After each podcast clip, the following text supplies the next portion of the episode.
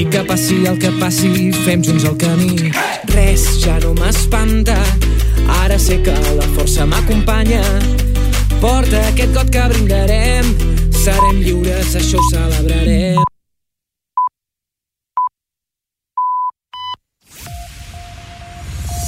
Són les 8 del matí, bon dia a tothom. Supermatí, el despertador informatiu del Baix Empordà.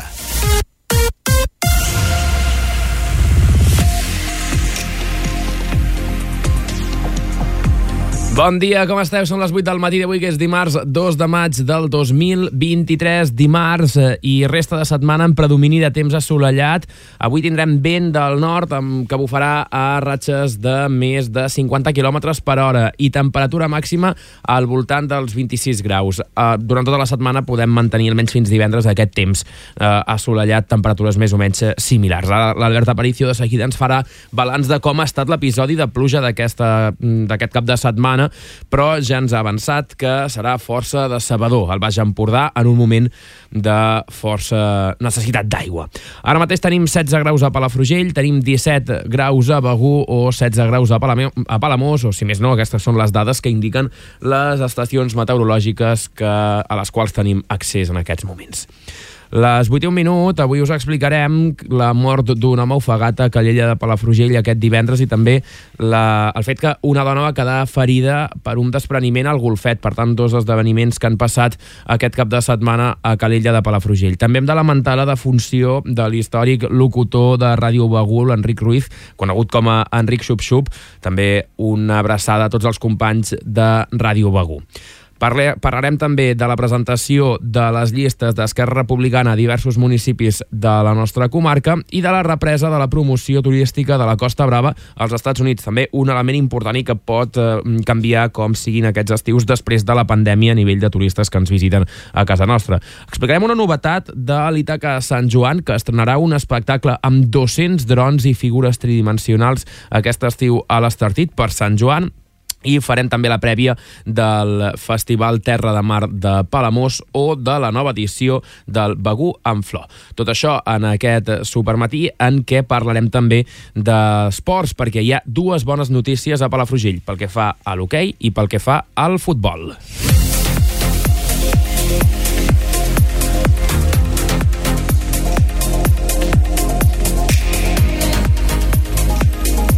En un supermatí en què parlarem amb Martí Sabrià, que és el director de la Fundació eh, Jordi Comas, perquè aquest, cap de, aquest dijous, disculpeu, organitzen la setena jornada de turisme i territori als Jardins de Cap Roig. Això en un dimarts en què també parlarem, com cada dimarts, de llibres, de literatura, eh, farem recomanacions literàries amb la Maria Teresa Calabús de la llibreria El Cucut de Torroella de Montgrí. Uh, però abans de tot això hem de saludar els periodistes que ens acompanyen cada matí. Ferran Castelló, bon dia. Bon dia. Maria Alzina, bon dia. Hola, Dani, molt bon dia. Anna Salvador, bon dia. Hola, bon dia. Carla Saló, bon dia. Hola, bon dia. Paula Brines, bon dia. Hola, bon dia. I jo sóc en Dani Cortés, avui des de Ràdio Palafrugell, en aquest supermatí conjunt Ràdio Palafrugell, Ràdio Capital i en emissió a Ràdio Bisbal.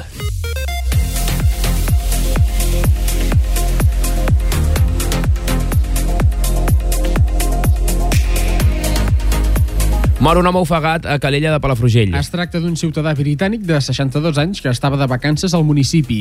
El seu cos va aparèixer surant a la zona dels Forcats, segons assegura la policia local de Palafrugell. Va ser dissabte. Aquest dissabte també una dona va quedar ferida al cap en un despreniment al golfet, a Calella. Va passar aquest dissabte que van caure algunes roques del penya-segat del golfet. Van anar a parar rodolant a una zona sud on hi havia una dona asseguda. I hem de lamentar també la defunció de l'històric locutor de ràdio Begú, Enric Ruiz i Amer. Enric Ruiz, conegut a la ràdio com Enric Xup Xup per les receptes de cuina que va fer i explicar durant anys, ha estat col·laborador de l'emissora durant més de 25 anys, presentant diversos espais i col·laborant en programes de l'emissora. El funeral va tenir lloc aquest diumenge. Una abraçada als companys de Ràdio Begú. I les 8 i 4 minuts... Tornem-hi.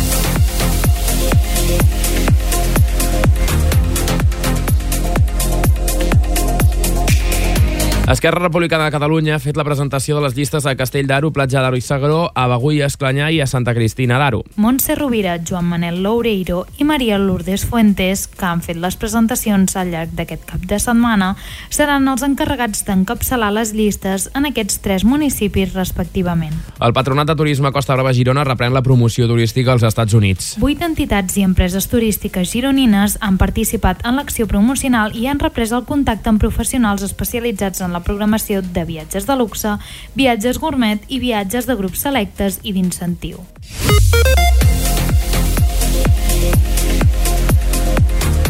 En cultura, els fotògrafs Carme Casolà i Joan Ramon Manchado guanyen el Premi de Fotografia 2023 de la Fundació Vila Cases. El jurat ha seleccionat 33 obres finalistes entre les propostes presentades en aquesta edició, que ha batut rècord de participació amb 471 inscripcions. L'Ítaca Sant Joan estrenarà un espectacle amb 200 drons i figures tridimensionals a l'Estartit. No podem escoltar la crònica del titular de la Maria Alzina, crec que eh, està a punt de... està ben connectada, aviam, eh, si podem escoltar, Maria, endavant. La platja del municipi serà l'escenari de l'estrena de l'espectacle de llums Eco 200 a càrrec de Floc Dronart, que duplicarà el nombre d'aeronaus que l'airava fins ara. La iniciativa es durà a terme a la nit de la Rebella, la cita més multitudinària del festival, compartint vetllada amb l'indi de Vetusta Morla, La Moda, Triquell, Carmen 113 i Rina DJ. El Festival Terra de Mar de Palamós se centrarà en el salvament marítim. L'organització del Palamós Terra de Mar ja ho té tot a punt per la realització del festival que tindrà lloc durant el cap de setmana del 13 i 14 de maig al port de Palamós. Aquesta nova edició estarà dedicada al salvament marítim amb la presència dels organismes oficials que hi són vinculats. I arriba la novena edició de Begú en Flor per guarnir un any més els carrers, places i racons del municipi amb flors, colors i alegria. Durant tres dies es podrà gaudir de nombroses activitats per tota la família, actuacions musicals en directe, tallers per totes les edats, concursos, conferències o sessions de ioga davant la platja. Aquest cap de setmana que també hem tingut el Flors i Violes a Palafrugell, en parlarem, i també hem tingut uh, la Fira d'Abril a Sant Feliu de Guíxols. El Guíxols Arena s'ha omplert d'activitat, espectacles amb eh, la Fira d'Abril i hem parlat amb la presidenta de l'associació de veïns de, del barri que, on s'ha organitzat aquest festival, la Cristina Vidal. Feia anys que volien celebrar la fira perquè hi ha població andalusa per aquí a Sant Feliu i també per tot l'Empordà, diuen. El menjar, el veure l'espectacle de migdia a la nit ha sigut l'esperit d'aquesta celebració andalusa. De seguida escoltarem què ens va dir la Cristina Vidal, presidenta de l'Associació de Veïns de Vilartagas.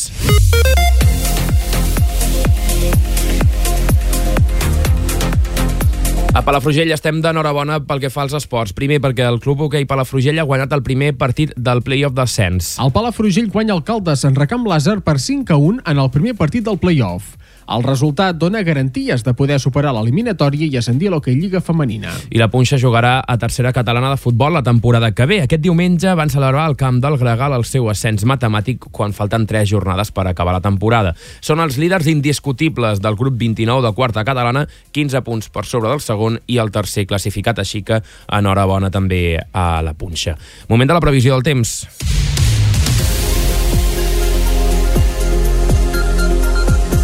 Albert Aparicio, bon dia. Hola, bon dia. Quin temps ens espera per aquesta primera setmana de maig al Baix Empordà? Doncs ens espera un dimarts i resta de setmana en predomini del temps assolellat.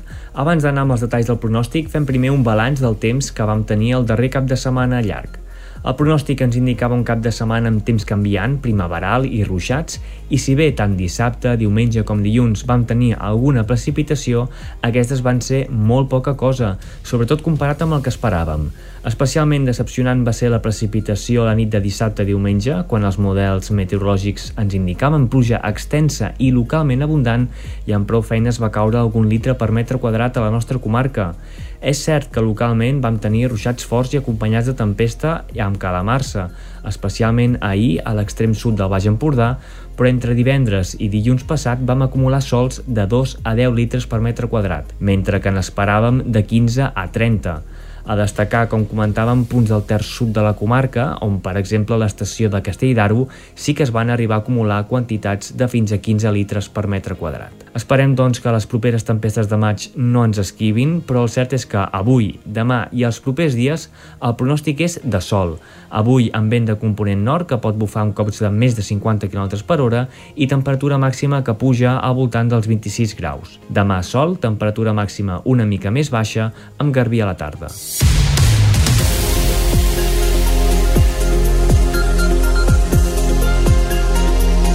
I més enllà del Baix Empordà estan passant coses, com per exemple les reivindicacions, eh, protestes de l'1 de maig.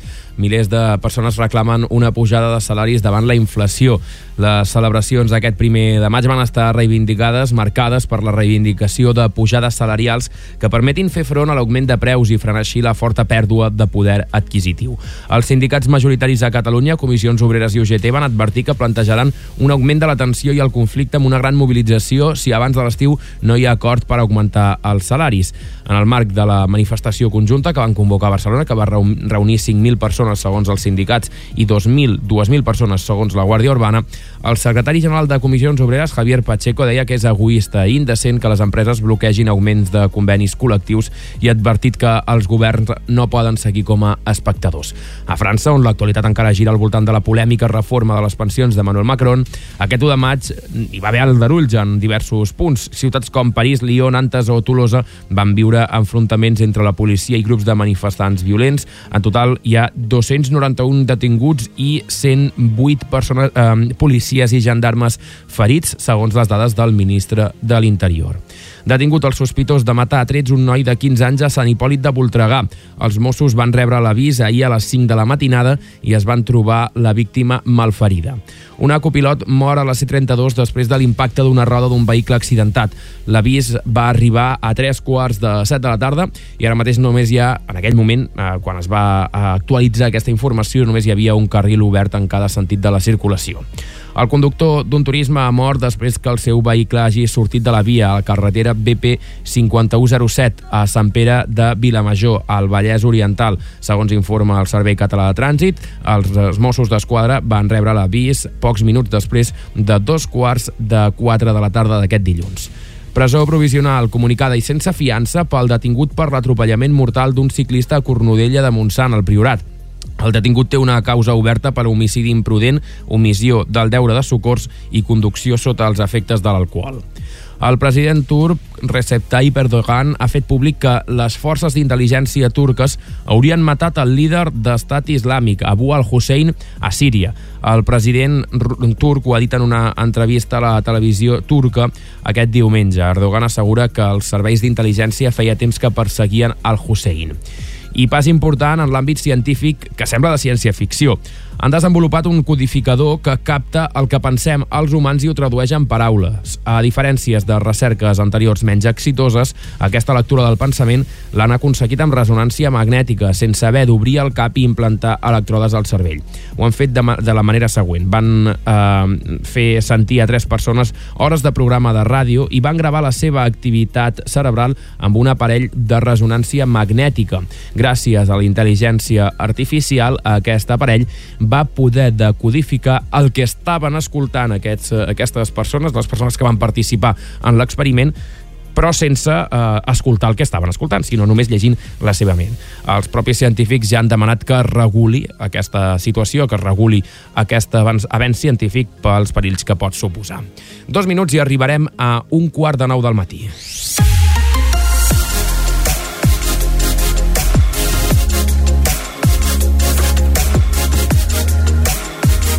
I el comentari del dia aquí al Supermatí ens l'envia en Pere Carreras. Aquests dies tots hem vist el lamentable vídeo a TikTok on un energumen, aparentment begut, bastant begut, increpa la conductora d'un bus nocturn a Barcelona. La conductora, fent gala d'una fortalesa anímica i fent un necessari i aplaudit gest d'autoritat, acaba expulsant del vehicle el passat passatger, que no deixava de dir-li guapa i coses per l'estil. Tot el país, i m'incloc, ha felicitat la valentia de la conductora, perquè en situacions de tensió, de nit, matinada, amb cansament acumulat i amb tot allò que veiem al món, encarar-se a un desconegut babós, és igual l'estat en què estigui, i fer-lo fora amb la força de la raó és meritori. que podia haver sortit malament, també s'ha de dir. Fins aquí els fets. Per davant dels fets, un no fa més que preguntar-se coses, algunes serioses i d'altres més intrascendents. Què hauria fet jo si jo fos la conductora? Hauria callat? Hauria suportat? Hauria tingut por? Hauria alertat la policia? M'hauria covardit? M'hauria alterat més? O què hauria fet jo si fos el borratxo? Hauria cedit? Hauria baixat del bus? M'hauria encarat? Què hauria fet jo si fos el que grava el vídeo? L'hauria gravat?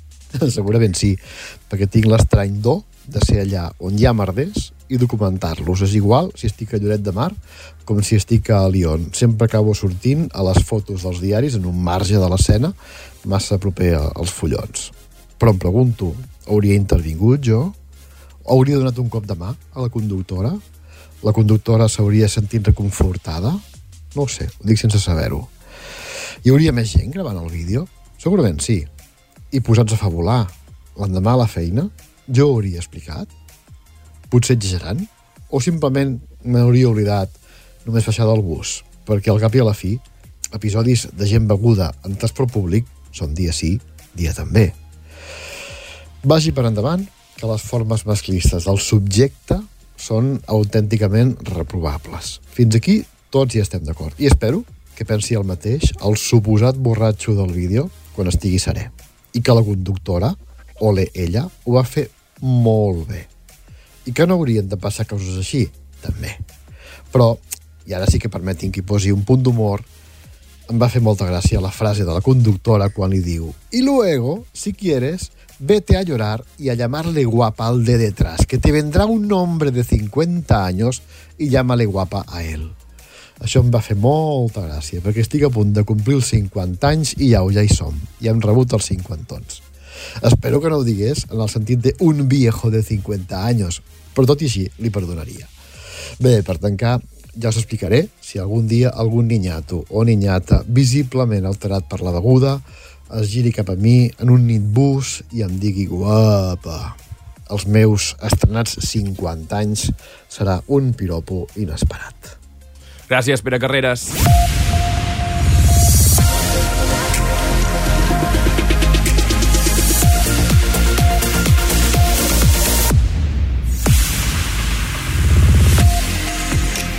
Passen dos minuts d'un quart de nou del matí. Això és el supermatí de Ràdio Palafrugell, Ràdio Capital, en emissió amb Ràdio Bisbal d'avui dimarts, 2 de maig del 2023. Hem de començar aquest repàs informatiu en què ens, us ampliem totes les informacions que us hem donat fins ara en aquest quart d'hora d'informatiu, explicant-vos que un home va morir aquest dissabte ofegat a Calella de Palafrugell. Es tracta d'un ciutadà britànic de 62 anys que estava de vacances al municipi. El seu cos va aparèixer surant a la zona dels Forcats, segons assegura la policia local de Palafrugell. Quan es va veure el cos a l'aigua, es van activar els sistemes d'emergències i un helicòpter medicalitzat del SEM. Se li van fer maniobres de reanimació pulmonar, però no li van poder salvar la vida. Segons la policia, l'home estava de vacances a Calella i després de dinar va voler anar a nedar on hauria tingut un tall de digestió i a Calella de Palafrugell mateix, de fet a la zona del Golfet, una dona va quedar ferida dissabte també per un despreniment de roques. Aquest dissabte van caure algunes roques del penya-segat del Golfet que van anar a parar rodolant a una zona sud on hi havia una dona asseguda. La dona va rebre un cop al cap i la van traslladar a l'Hospital de Palamós, on ja li han donat l'alta. I aquest cap de setmana, malauradament, també hem conegut eh, la defunció d'Enric Ruiz, a l'edat de 69 anys, després d'una llarga malaltia. La ràdio del Baix Empordà, concretament Ràdio Begú, ha perdut un col·laborador històric. Enric Ruiz, conegut a la ràdio com Enric Xup Xup per les receptes de la cuina que va explicar durant anys, ha estat col·laborador de l'emissora durant més de 25 anys, presentant diversos espais i col·laborant amb diversos programes. Ruiz es va fer conegut entre l'audiència pels seus espais musicals on interactuava amb els seus oients. També es va fer conegut per la cuina amb Enric Xup-Xup i per les promocions del cinema de Begú i la seva frase final perquè al cinema cal anar-hi. El funeral va ser aquest diumenge a Torroella. Des de les uh, dues ràdios que produïm aquest informatiu, evidentment volem expressar el nostre condol a la seva família radiofònica, als companys i amics de Ràdio Begú. Una abraçada.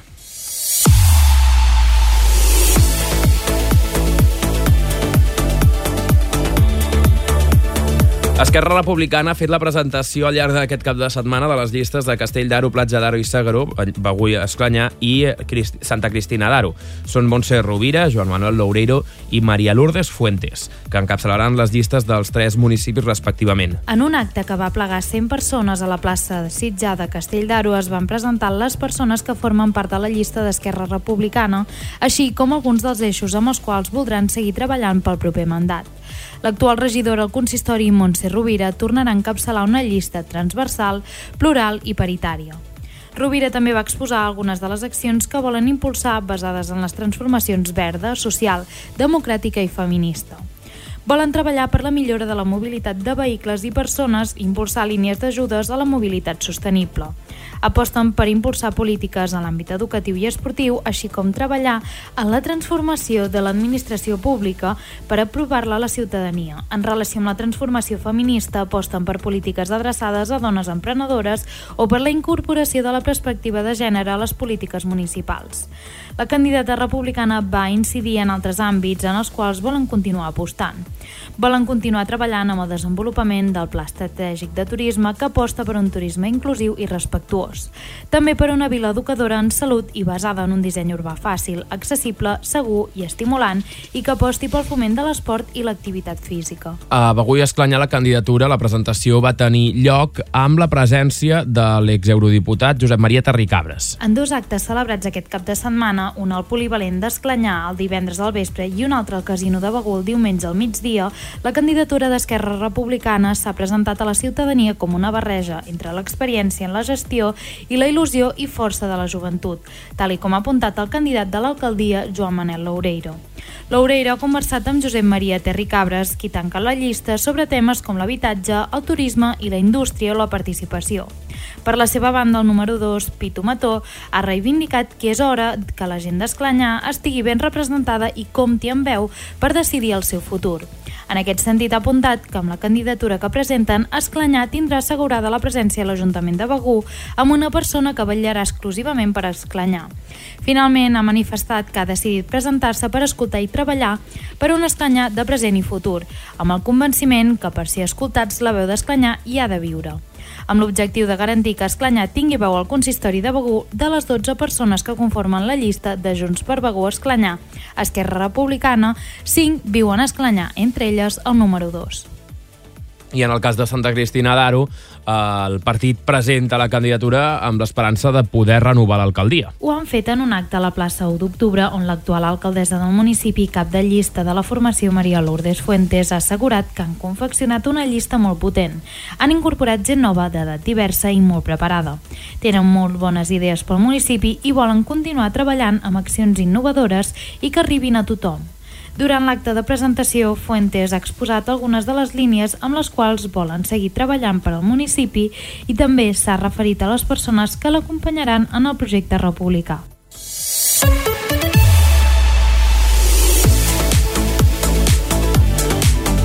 Torna la promoció turística de la Costa Brava als Estats Units. El Patronat de Turisme Costa Brava Girona ha reprès aquestes activitats. Vuit entitats i empreses turístiques gironines han participat a l'acció promocional i han reprès el contacte amb professionals especialitzats en la programació de viatges de luxe, viatges gourmet i viatges de grups selectes i d'incentiu. Les ciutats de New Haven, a Connecticut, Chicago i Miami van escollir la delegació de representants turístics gironins en el marc d'una triple acció promocional que va consistir d'una presentació de la destinació i de les empreses i entitats gironines participants, seguit d'un networking i un còctel de gastronomia catalana. Aquesta acció està programada dins el Pla d'Accions 2023 de l'entitat i té per objectiu incrementar l'afluència de turisme procedent de Nord-Amèrica a la Costa Brava després de la pandèmia. Jordi Masquef, vicepresident del Patronat de Turisme Costa Brava Girona, manifesta en relació al mercat d'Estats Units que el turisme nord-americà representa un mercat estratègic per la Costa Brava, a raó del seu elevat poder adquisitiu per contribuir a la desestacionalització i per consumir gran diversitat de productes i serveis de la destinació, especialment d'alta gamma. El mercat nord-americà creix exponencialment i s'ha fet manifest el creixement de l'interès pels viatges de mitjana i llarga distància tant en el sector d'oci com el de negocis. el mercat nord-americà és un mercat que considerem estratègic des del patronat. De fet, les dades ens indiquen que el turista nord-americà ha crescut més d'un 14% a la Costa Brava després eh, de la pandèmia i, òbviament, estem aquí per potenciar l'oferta turística d'alta gamma, la gastronòmica i la de negocis de la Costa Brava i del Pirineu de Girona. Cal tenir en compte que el turista nord-americà ha, expressat, ha experimentat un creixement a la Costa Brava en els darrers 3 anys. El turista nord-americà que visita la Costa Brava té especial interès per conèixer la cultura, la gastronomia i l'entorn a través d'experiències exclusives i escull majoritàriament allotjar-se en hotels de 4 i 5 estrelles. L'any 2022 els turistes nord-americans van realitzar més de 80 milions de viatges a l'estranger, un 19% menys que el 2019, dels quals prop del 20% van ser a Europa, valors similars a aquell any. Quan el perfil del turista, el nivell de renda i d'educació són determinants en els viatges internacionals de llarga distància. Aquests turistes són els que més viatges fan a l'exterior i major despesa generen. L'any 2022, Catalunya va registrar 1.153.900 arribades de turistes nord-americans, un 23% menys que l'any 2019, però com a dada remarcable es constata una ràpida recuperació del mercat des de la pandèmia, que se situa en un 77%. Val a dir que el 51% dels turistes visiten la destinació catalana en temporada d'estiu i que duen a terme una estada mitjana de 5,7 dies.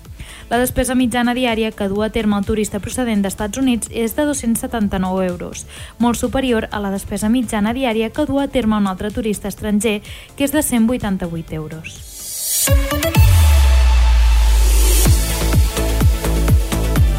La fotògrafa barcelonina Carme Casolà ha guanyat el Premi de Fotografia 2023 de la Fundació Vila Casas per la instantània Natural Jungfrau Joc, a la sèrie El Natural. El segon premi d'aquest certamen se l'ha endut el fotògraf de Valls Joan Ramon Manchado per Vianants. A més, el jurat ha seleccionat 33 obres finalistes d'entre les propostes presentades en aquesta edició, que ha batut rècord de participació amb 471 inscripcions. Més detalls, Carla Saló. El veredicte del jurat es va fer públic el passat dissabte al migdia al Palau Solterra de Torroella de Montgrí, coincidint amb la inauguració de dues exposicions, finalistes del Premi de Fotografia 2023 i Francesc Roca Català, Humanots i Humanets, amb motiu del seu centenari. El primer premi del concurs està dotat amb una aportació econòmica de 6.000 euros i una exposició monogràfica programada per l'any que ve al Museu Can Framis, que la Fundació té a Barcelona. El natural Junfrau Joc és una fotografia en color impresa sobre dibon amb tintes UV i motllura en fusta que mostra les galeries construïdes sota una de les glaceres més antigues d'Europa, els Alps suïssos. Per la seva banda, Vianants és un doble retrat de dues dones amb què el fotògraf es va creuar pel carrer i que ha revelat amb la, amb la tècnica cianotipia virada. Aquestes dues fotografies guanyadores i les 33 finalistes es poden veure en una exposició al Palau Sol Terra de Torroella de Montgrí des d'aquest dissabte i fins al 18 de juny. El jurat d'aquesta edició ha estat format per Natàlia Chocarro, Sophie Kuller, Antonio Sagnier, Àlex Susana, Laura Terré i Antoni Vilacases.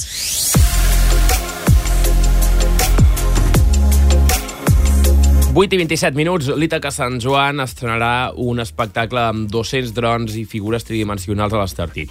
La platja del municipi serà l'escenari de l'estrena de l'espectacle de llums Eco 200, a càrrec de Flock Drone Art, que duplicant el nombre d'aeronaus que eh, l'airava fins ara, tornarà a l'Estartit aquest Sant Joan. La iniciativa es durà a terme la nit de la Rebella, la cita més multitudinària del festival, compartint batllada amb l'indi de Vetusta Morla, la moda, Triquell, Carmen 113 o Rina DJ. Maria. Eco 200 és una alegoria a la natura, un clam pel respecte al medi ambient que vol posar en valor la consciència ecologista i la necessitat de preservar el món. Amb 200 drons, Flock Drone Art mostrarà una peça d'art lumínic i tecnològic combinada amb una banda sonora mida i una narrativa amb una veu en off.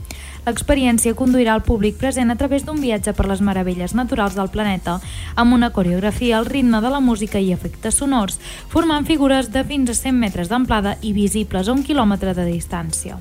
Palenes, arbres mil·lenaris, abelles, aus de llegenda, flors gegants són algunes de les figures que s'hi podran veure. El festival, que s'allargarà fins al 2 de juliol, oferirà un total de 17 concerts en 6 municipis. A banda de la nit de Sant Joan a l'Estartit, proposa cites singulars com el Verd Pla, de prop al Far de Sant Sebastià de Llafranc, de la Fe i les Flores Azules, a l'escenari de la Candada de Veneres de Calella, De Gramophone All Stars Big Band, el jazz Pera de la Pera, Renaldo Anclara presentant nou disc a la plaça Major de Gualta amb el suport del Mercat de Música Viva de Vic o Fetus amb un reguitzell d'amistats musicals convidades a la Gran Xefla, que han preparat a cursar. A hores d'ara el certamen ja frega el 50% de les entrades venudes.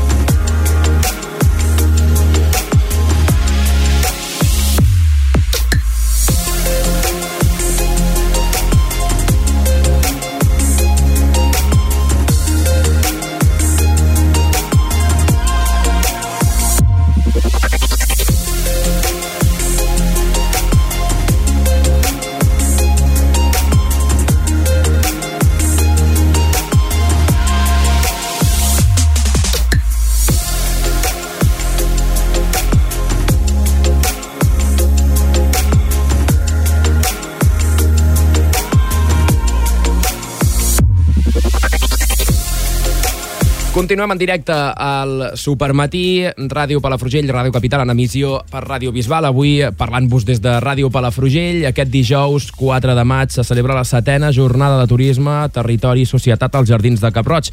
Una jornada organitzada per la Fundació Jordi Comas Matamala, que compta amb la visió d'experts en temes com les infraestructures, l'economia, el turisme, entre molts altres. Per parlar-nos d'aquestes jornades ens visita en Martí Sabrià. Senyor Sabrià, bon dia. Molt bon dia. Um, quins noms destacats hi podrem tornar, trobar en aquesta setena jornada dedicada al turisme, al territori i a la societat? Bé, podem trobar molts noms destacats. Crec que hem aconseguit aplegar un seguit de personatges de, de molt nivell, cada un al seu àmbit.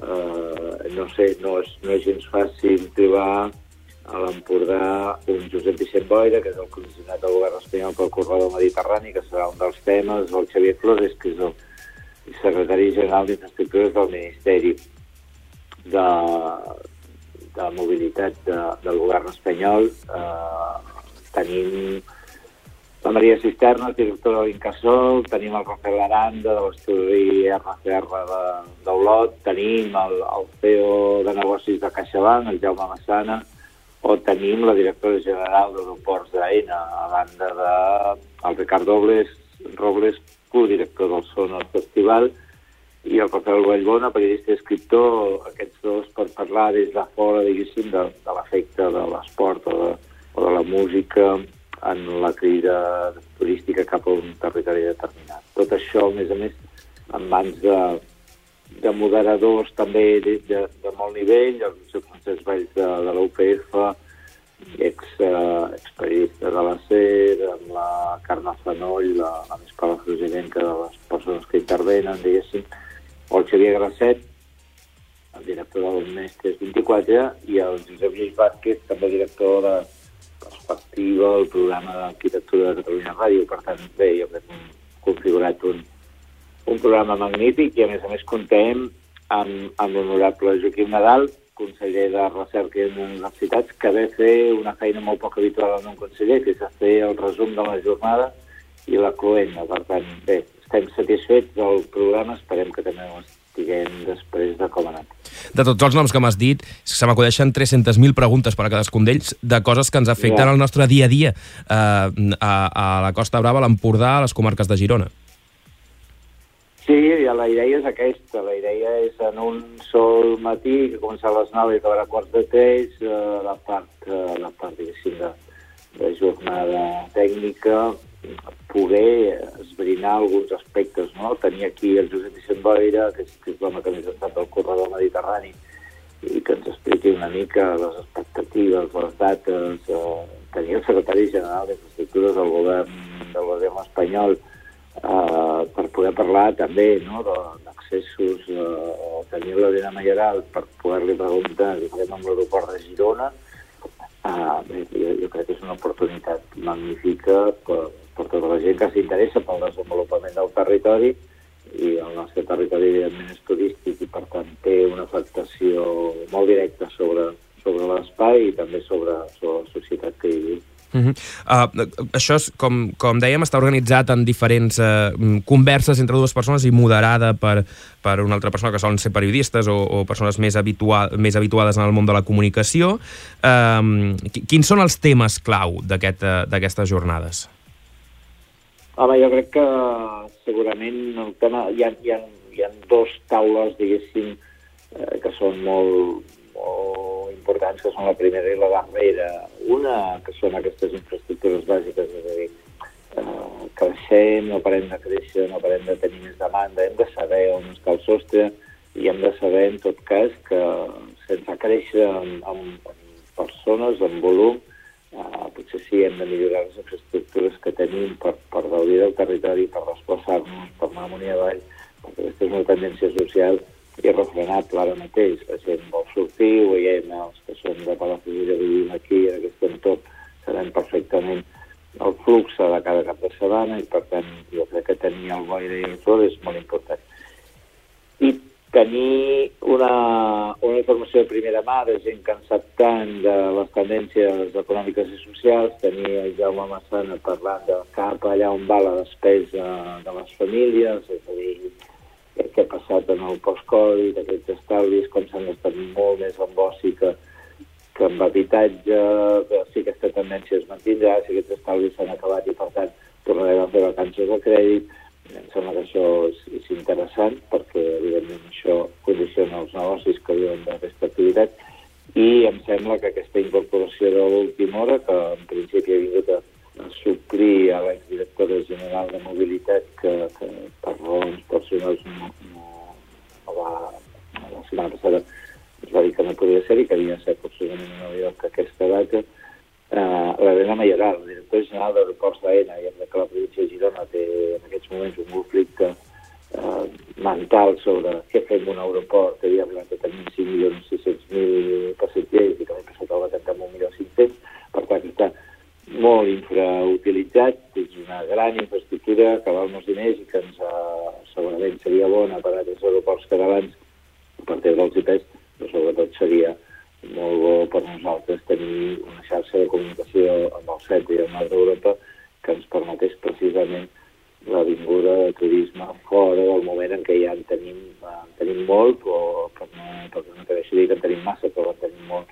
que seria l'agost, eh, sobretot, i per tant tenir més, eh, més cartes per tenir més públic de març i abril, més públic d'octubre, de setembre, octubre, novembre, i no tant de temporada alta. Per tant, l'aeroport en aquest cas, eh, des del meu punt de vista, és, és transcendent la tornar a posar en, en circulació d'aquest aeroport i dotar de, de, de, de 60 o 70 destinacions a d'Europa. Mm -hmm. L'expectativa de les jornades, no sé si... L'ideal seria que, que hi hagués moltes respostes, no? Més que preguntes-respostes a tots aquests temes que ens anaves explicant. Sí, va bé, jo crec que la gent, quan ve, quan te diu que vindrà, quan, quan es deixa programar, mm, de pensar que té respostes a preguntes de tota mena, no? Uh, és cert que estem en campanya electoral, o pràcticament, i que, per tant, hi poden haver certes evasives a certs temes, o al revés, correm al revés que es polititzi alguna de les afirmacions i tingui eh, una resposta una mica en funció d'unes eleccions venir, no? i per tant prometre allò que potser no està tan clar que passi. No ho sé, vull pensar que són professionals de primera magnitud, que gent d'un nivell contrastat i que per tant les seves opinions, més enllà de les seves, de les seves promeses, les seves opinions són molt transcendents perquè tots plegats seguint cap allà on s'encamina el futur de, del turisme, com, com ho pot suportar o com ho ha de pair o com ho ha d'administrar aquest territori. I eh, això que a vegades hem d'explicar, el valor que té tota aquesta activitat per la societat, no, no, no pels que vivim de vacances, sinó que vivim tot l'any, és a dir, com ens afecta i com això ens ha millorat la vida durant molt de temps i hauríem de procurar que tenir turisme segueixi sent una garantia de millora de la nostra qualitat de vida, no d'empitjorament, de, no de patiment. Per tant, eh, vull pensar que, que la gent que vindrà ens s'haurà explicar moltes d'aquestes qüestions, molts d'aquests interrogants. Creus que el fet que mm, hi hagi aquesta alta presència de, de membres del govern espanyol, el comissionat pel corredor mediterrani, el secretari general d'Infraestructures, eh, la directora d'AENA, implica o ens ha de fer pensar en, una major, en un major compromís amb les infraestructures de les comarques de Girona i de la Costa Brava?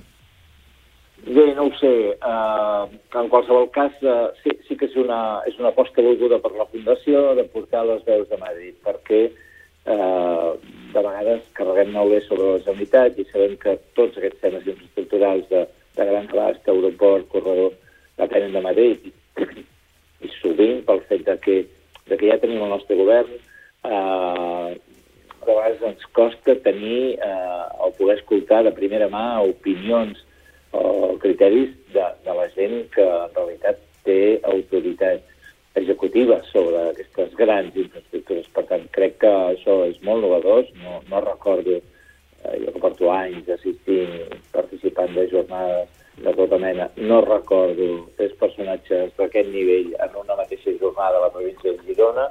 Eh, per tant, crec que hem d'aprofitar el moment i d'aprofitar el moment per, per fer-los amollar una mica, eh, encara que doncs, pugui sonar en un determinat, això que he dit abans, que en període electoral de vegades prometen més coses de les que són, però, però per exemple, a mi fa molta gràcia saber quins plans té AENA per l'aeroport de Girona, fa molta gràcia saber eh, si realment eh, en un futur no massa allunyat, la gent de la meva edat podem fer vacances i anar a Múnich o Berlín amb tren d'una manera còmoda i ràpida aprofitant aquest corredor mediterrani. És a dir, crec que hi ha preguntes que mereixerien bones respostes i que ens podrien aclarir el futur. En tot cas, eh, evidentment serà un fòrum eh, important per, per, per fer preguntes i sobretot eh, per tenir respostes. Eh, Parla'ns de la Fundació Jordi Comas i també de, de l'aspiració del fet que, de, no sé, de, de, de ser, com ens deies, un dels pocs espais on es pugui parlar de tots aquests temes amb els protagonistes, amb les persones que han de prendre les decisions. En quin moment decidiu que la Fundació Jordi Comas ha de ser eh, el referent en aquest sentit? I, i si creu que, que ho, ho esteu aconseguint? Bé, no sé, jo vaig arribar a la direcció de la Fundació Jordi com es fa 18 mesos, eh, després de la meva jubilació i sortida del grup Costa Brava Centre, eh, i, i vaig veure que, que els objectius de la Fundació el més important era crear pensament turístic. Per mi, crear pensament turístic és apropar a la gent, als ciutadans, a l'empresari, a tots aquells que tenim responsabilitat sobre, sobre el territori, a les millors pràctiques en aquest, en aquest tema. Per tant, ens estem escarrassant en fer arribar en aquesta, en aquesta ciutadania, en aquesta gent que participa del dia a dia de la nostra, de la nostra comarca, de la nostra àrea, eh, els millors criteris, les millors informacions possibles, perquè no, no hi ha res millor que tenir bona informació per prendre bones decisions. Per tant, la Fundació s'està centrant en això. Hem ampliat el nostre, la nostra presència al carrer, amb,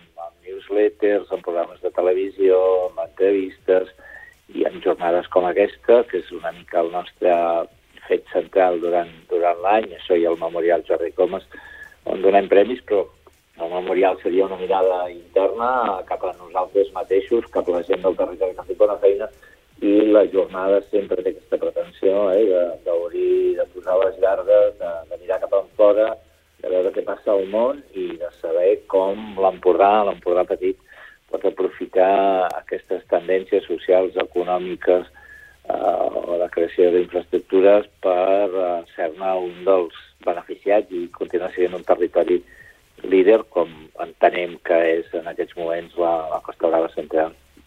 D'entre tots, els, eh, tots els temes que es tractaran en la jornada, hi ha un que, eh, eh, vist així, pot, ser, pot semblar més, diguem-ne, mm, parlant d'infraestructures, parlant de tendències econòmiques, d'arquitectura, de paisatge, i també es parla de ciclisme i del turisme eh, eh, també musical, no? però el reclam turístic que suposa el ciclisme.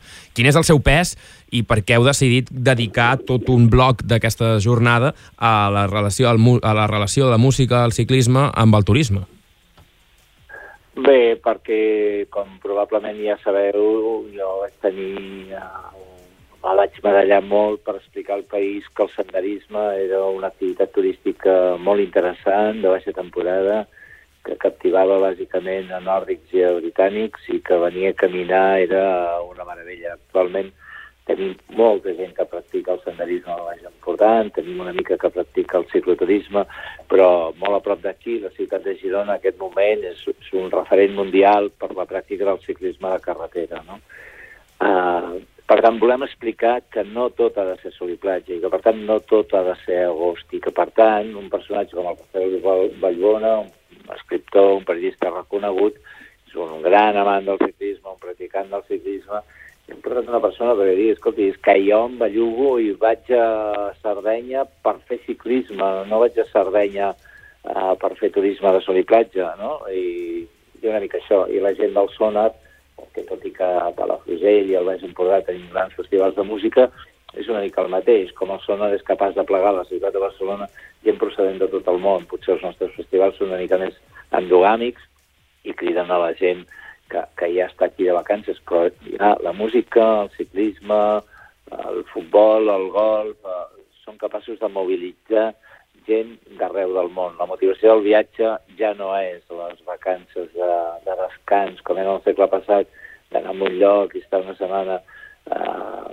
amb dolce farniente, no? Eh, parant el sol i anar a menjar bé. No, la gent ve a fer activitats. Per tant, és una mica de que posem els de casa posem l'accent en explicar que som un territori magnífic per la pràctica del senderisme, cosa que ja hem demostrat, però també per la, per, per la pràctica del ciclisme, o fins i tot que comencin a pensar en estar una mica estacionalitzats i tenir un, un festival de primavera o tenir un festival de tardor i, per tant, eh, concentrar vingudes d'arreu del món eh, en relació a la música, però que després estan al territori i per tant fan una despesa important d'allotjament, de menjar, de, de, de transport.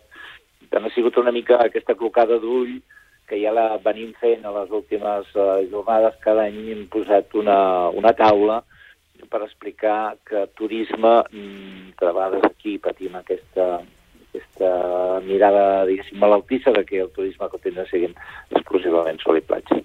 El nom de Jordi Comas en les últimes setmanes ha estat en boca de tothom per l'episodi de Crims dedicat a ell, que també va servir per eh, reivindicar i per destacar el seu paper en el món turístic de la Costa Brava. Quina és la, la feina de la Fundació per reivindicar el llegat de la seva figura? Bé, eh, Jordi, mentre, mentre la Fundació estigui activa, el nom d'en Jordi està actiu més enllà d'aquest malaurada situació que va provocar la seva mort i que s'ha vist a televisió les últimes setmanes. Però la Fundació el que vol és estar present i, i reivindicar que el seu nom és Jordi Comas en, en homenatge a una figura que estava a tots els balls que hi havia en el territori, fossin culturals, fossin socials, fossin uh, empresarials. Per tant, la Fundació està 10 anys després eh, aconseguint que el nom de Jordi Comas no s'apagui, que el nom de Jordi Comas continuï sent un referent en aquesta mateixa direcció. Eh, la Fundació patrocina un premi de recerca sobre, sobre història local de la Vall d'Aro i enguany, per exemple, doncs, hem fet una, una segona categoria, que és la, la juvenil, per, per estudiants de batxillerat, intentant, per tant, també que tothom reconegui el, el paper que va tenir, el paper transcendent en el desenvolupament, sobretot de, de la Vall però en el conjunt de les comarques gironines, un personatge com en Jordi Comas que dona nom a la nostra fundació. Per acabar, eh, i parla, acabant parlant de les jornades eh, d'aquest dijous, són unes jornades evidentment de sector, segur que hi ha molta gent del sector que té ganes d'anar-hi. S'ha de fer reserva prèvia d'entrada, hi ha entrades disponibles, com s'ha de fer tot plegat? Sí, està, tenim força ple. L'Auditori de Cap Roig té 144 places. En aquest moment sembla que hi ha 120, ahir hi havia 126 inscrits, per tant ens queda, queden encara una vintena de places, però sí que és cert que la capacitat de l'auditori ens limita a 144 i per tant entenc que avui acabarem d'arribar a, a cobrir aquesta capacitat receptiva. És una gran notícia, l'any passat vam ser un centenar de persones, per tant aquest creixement pràcticament del 40-50% crec que també ve demostrar que el programa que hem aconseguit configurar per aquest any és, és altament interessant i, això ha despertat l'interès, curiosament, de, de molta gent de fora de l'àrea del Baix Empordà, és a dir, tenim gent de, no sé, aquí fullejant, gent de Girona, de Figueres, eh, de Barcelona, d'Olot, eh, de Banyoles, eh, bé, crec que realment són unes jornades que estan despertant interès arreu de, com a mínim arreu de la província.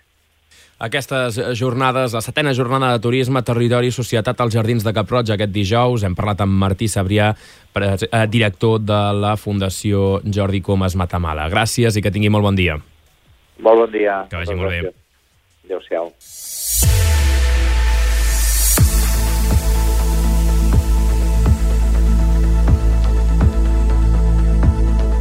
De seguida tindrem amb nosaltres la Mari Teresa Calabús de la llibreria El Cucut de Torroella per parlar de literatura, però abans hem d'explicar diverses notícies també relacionades amb uh, la cultura i el turisme.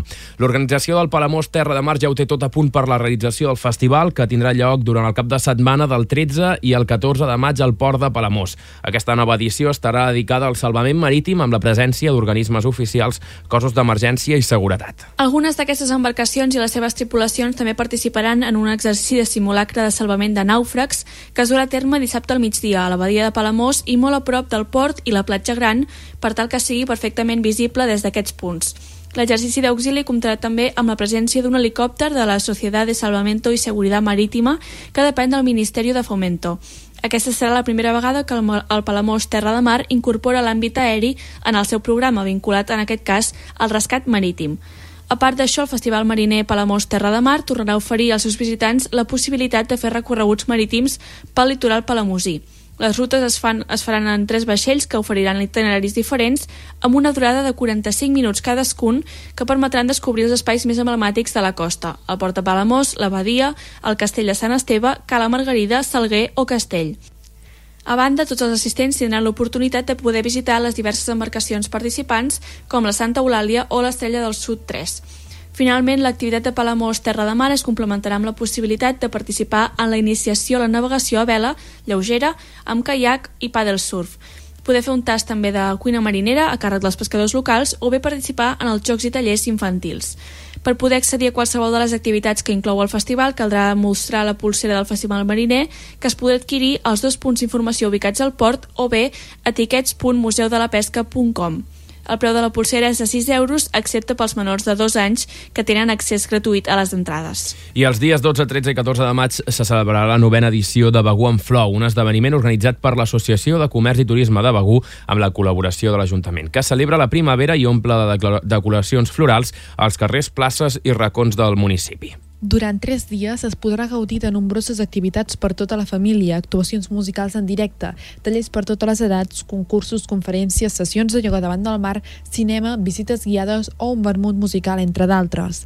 Un any més, els alumnes de l'Escola Doctor Aruga i el seu equip docent decoraran la plaça Forgues. Els infants i l'equip docent de la llar d'infants Ses Fluques decoraran el carrer Frederic Cirés i Puig i el casal de la gent gran acollirà el Jardí de la Igualtat.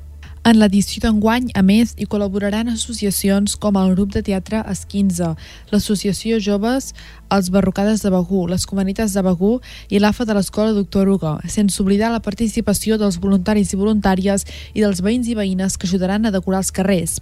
Finalment, els comerciants decoraran aparadors i façanes i podran participar en un concurs on els visitants escolliran quin és l'aparador guanyador.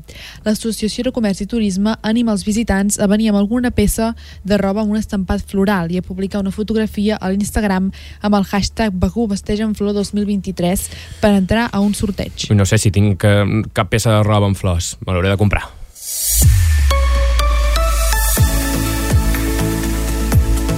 I en esports, dues bones notícies a Palafrugell. El Club Hoquei Palafrugell guanya el Caldes per 5 a 1 en el seu primer partit del playoff. El resultat dona garanties de poder superar l'eliminatòria i ascendir a l'Hoquei Lliga Femenina. El partit va estar marcat per dues meitats molt diferents. L'equip visitant va estrenar el marcador als 10 minuts de partit, però les palafrugellenques van poder capgirar-lo fins a arribar al 2 a 1 del descans. A la represa no van donar cap oportunitat al Caldes i van imposar-se per 5 a 1. El dissabte 13 de maig, a les 4 de la tarda, es desplaçaran a la pista d'alcaldes en Recamp Làser per disputar el segon partit de la fase d'ascens. Aquest cap de setmana també van guanyar el Club Patí Vilanova, el Cerdanyola i el Mataró. I la Punxa jugarà tercera catalana de futbol la temporada que ve. Aquest diumenge van celebrar al camp del Gregal el seu ascens matemàtic quan falten tres jornades per acabar la temporada. Són els líders indiscutibles del grup 29 de quarta catalana, 15 punts per sobre del segon i tercer classificat. El conjunt blau ha aconseguit l'ascens amb 9 punts encara en joc, acumulant 8 victòries consecutives, 21 aquest curs, només havent perdut un partit a la primera jornada, i ja amb 104 gols a favor i només 35 en contra. El seu màxim golejador continua sent Ayub Rebuka, màxim golejador també del grup, amb 33 gols en 23 partits, seguint tant a la plantilla com el grup de Khalil Daya, amb 28 dianes en 24 partits. Per tant, moltíssimes felicitats a la punxa.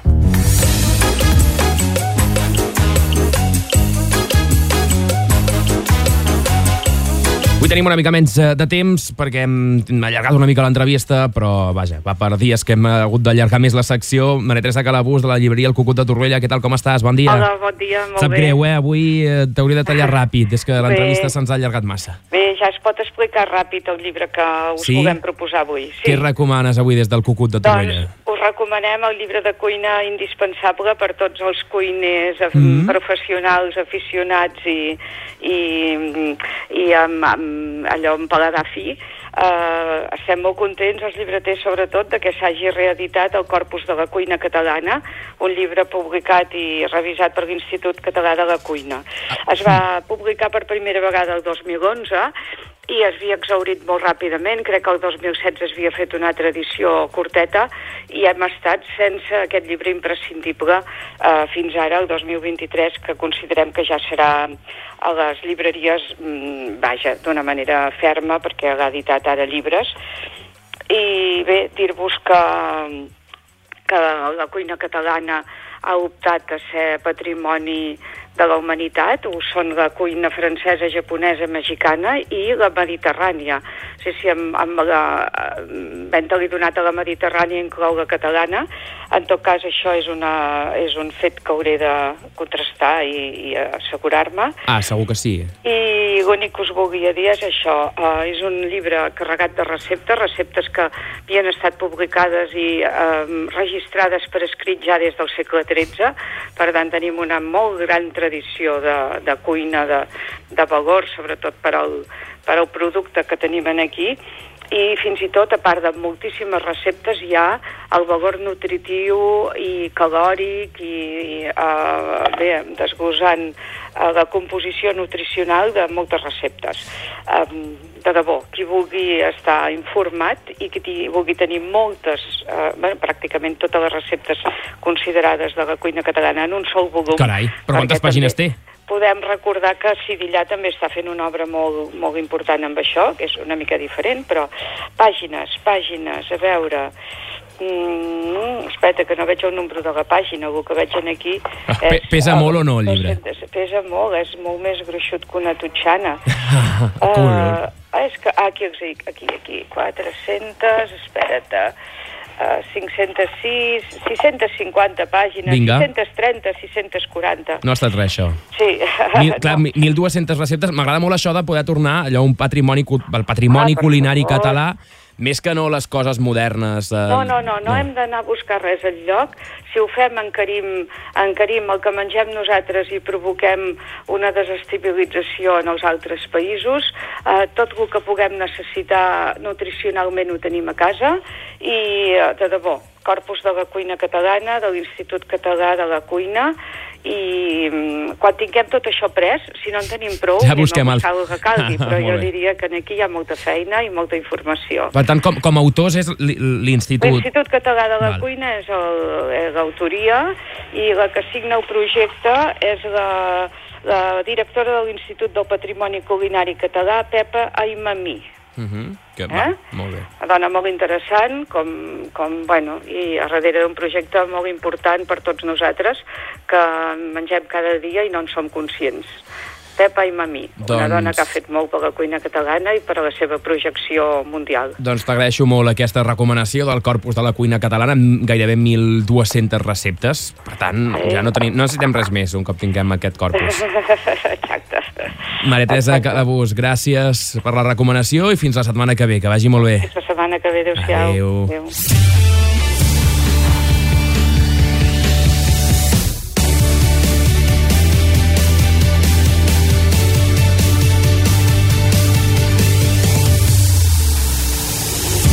Acabarem aquest supermatí fent un últim repàs a la previsió del temps. Albert Aparicio. El temps assolellat ens acompanyarà avui i també els dies vinents, aquest dimarts amb una temperatura màxima de 24 a 26 graus al Baix Empordà i també amb vent de component nord que bufarà amb força moderada, cops màxims que poden superar els 50 km per hora.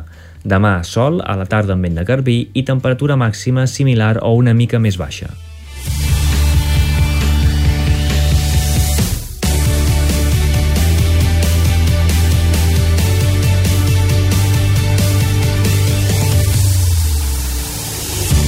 Al supermatí tornem demà a les 9 del matí, com cada dia, amb tota la informació